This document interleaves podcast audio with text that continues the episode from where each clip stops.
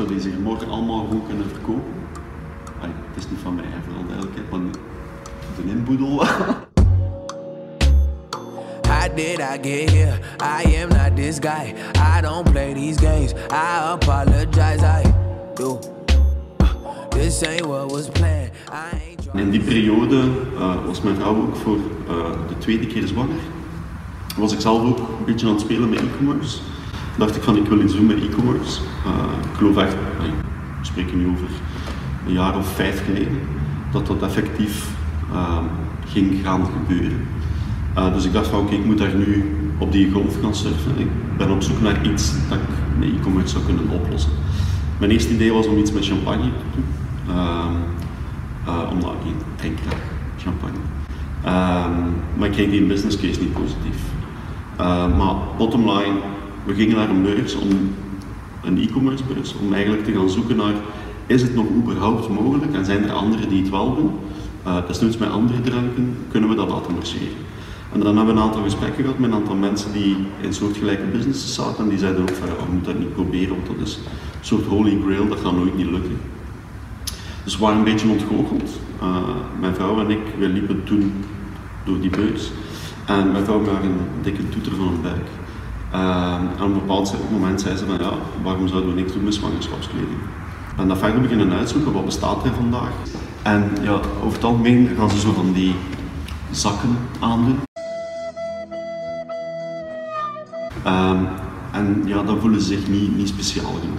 Dus mijn idee was eigenlijk om met zo'n Yoko een soort feel-good merk te gaan creëren, waarbij dat we een beleving gaven aan zwangere vrouwen um, met kleding enerzijds, premium kleding, dus speciale kleren, feestkleren, um, gericht op blue collars, white collar, pink collars. Mensen die met klantencontact bezig zijn, voor wie dat het uiterlijk een deel van hun persoonlijkheid weerspiegelt en dergelijke meer, die daar ook niet krenterig op zijn.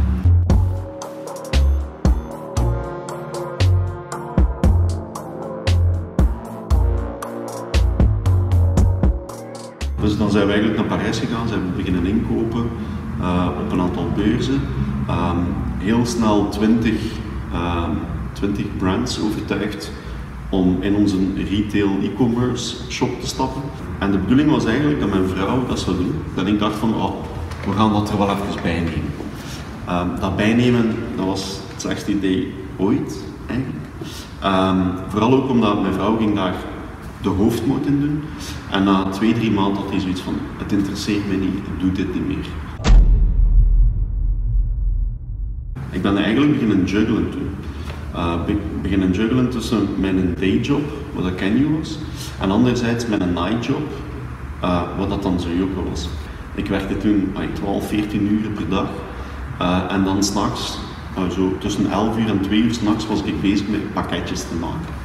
Um, dat is heel frustrerend, dat is heel lastig om dat te blijven volhouden en je gaat er gewoon zachtjes aan onderdoor. Dus um, we hebben en de route beslist uh, om iemand in dienst te nemen. En alle effort dat hij stak, um, ja, dat had een klein rendement, maar niet voldoende om die kosten te rechtvaardigen. Dus ondertussen wordt die put alsmaar groter. How did I get here? Guess I gave no fucks. That's where I messed up. No one feels the way I do. Dat was ongeveer de moeilijkste beslissing. Ik heb al veel mensen aangenomen voor andere bedrijven en dergelijke meer. Maar dat is iemand die jij specifiek hebt ingehuurd, die jij betaalt, uh, die ook haar job had opgezegd om deze te gaan doen. Dus dat was een moeilijke beslissing, maar dat was wel de beste beslissing die ik toen heb genomen. En dan heb ik ja, keihard gewerkt. Ben ik eigenlijk een stuk uit mijn gezin beginnen staan, om gewoon de, de eindjes aan elkaar te knopen, zoals dat heet. Ik had geen contact meer met mijn, met mijn familie eigenlijk. Uh, ik maakte wel tijd in mijn agenda om met mijn kinderen te spelen en zo. Maar dat, is niet, dat is niet oprecht, dat is niet gemeend, dat is niet um, heel tof voor hen, maar ook niet voor mij, achteraf gezien. Um, en op een bepaald moment heb ik echt die beslissing genomen van oké, nu stopt het, nu zetten we alles af. Terug wat tijd voor familie en je ziet eigenlijk dat er van alles veranderd is in je gezin. Um, je kinderen, daar hebben niet zo'n geweldige band mee. Um, uw vrouw die ook geen goesting meer heeft om u graag te zien. Ehm, dus we hebben eigenlijk beslist om dan te gaan scheiden. Ehm, en uiteindelijk ben ik nu uh, twee jaar en een half gescheiden, zoiets. En heb ik bijna al mijn schulden van ook al betaald. Hè. Ik heb nog zes maanden te betalen.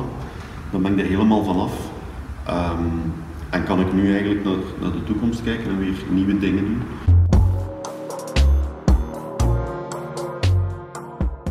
Ik heb er vooral uit geleerd dat ik, um, dat, ik dat niet meer moet doen. Uh, dat ik niet meer zo'n on, onverantwoorde risico's mag nemen, dat ik niet meer mag rekenen op mensen die daar eigenlijk niet voor gemaakt zijn. Um, dat het key is om mensen, en zeker in het begin van een start-up, met een ongelooflijke expertise in dienst te nemen. Alleen maar A-players, niet B, niet C, alleen maar A-players. En dat is iets dat je um, heel makkelijk kan testen. Um, wat ik heel vaak vraag, zeker als je al een, een, basisteam hebt, is na het gesprek, laat ik hem gewoon met mijn mensen praten. En dan laat ik wil ik die eigenlijk overtuigen om een dag bij ons te komen werken. Want het werkt in twee richtingen. Het moet ook voor die persoon een inspirerende, toffe omgeving zijn. En je moet ook het gevoel hebben van, ik kan hier in dat team gaan passen.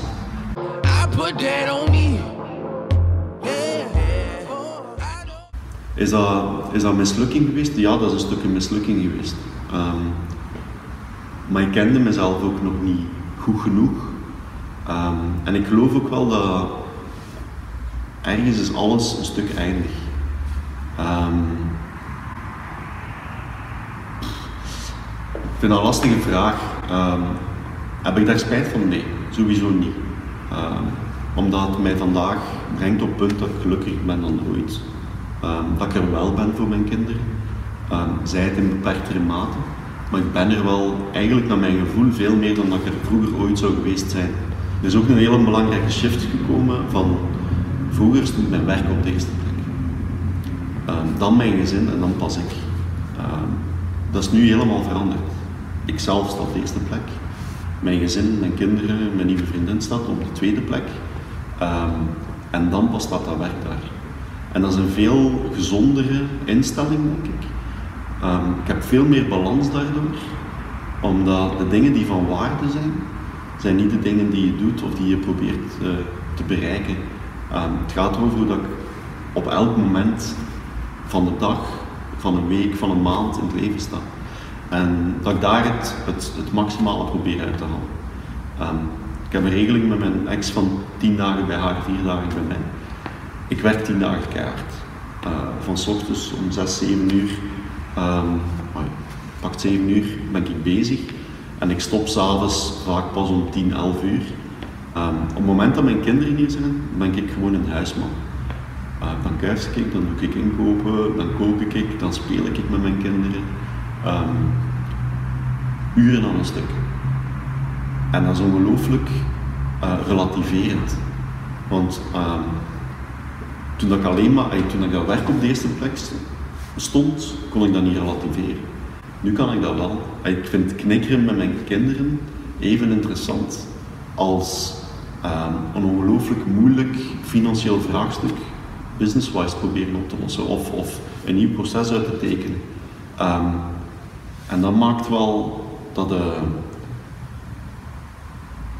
bewuster kunt zijn van hoe dat je tijd indeelt, hoe dat je bewuster omgaat met jezelf. Uh, Ja. Het is gewoon, als die prioriteiten juist zitten, dan gaat alles een stuk meer vanzelf.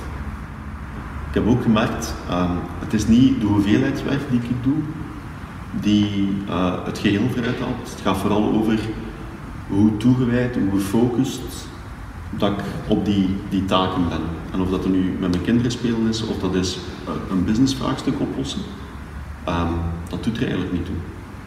Um, en dat kon ik vroeger waarschijnlijk niet. En dat kan ik van accepteren. Um, ik vind het heel makkelijk om iets af te werken. Um, ik laat geen open eindes meer.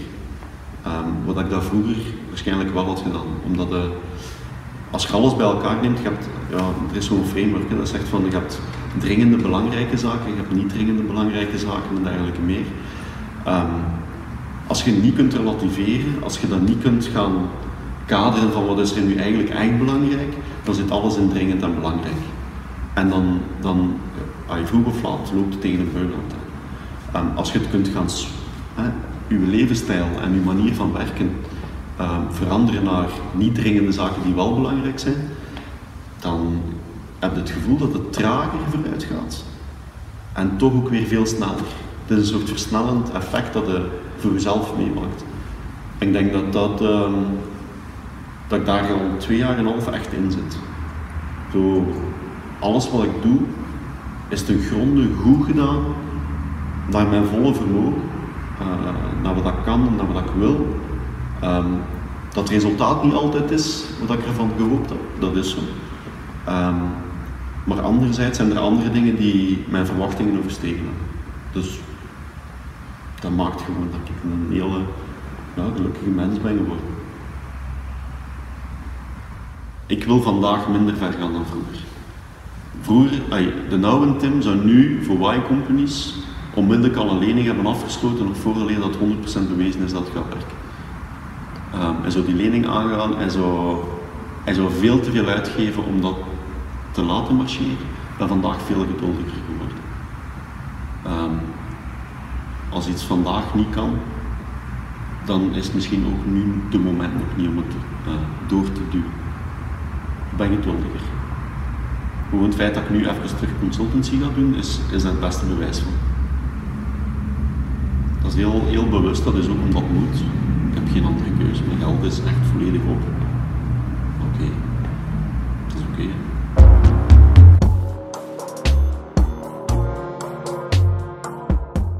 Die werkcomponent is vandaag zoiets wat ik uh, te veel mensen in zie die ongelukkig zijn. Uh, mensen die een job doen omdat ze geld moeten verdienen. Mensen die um,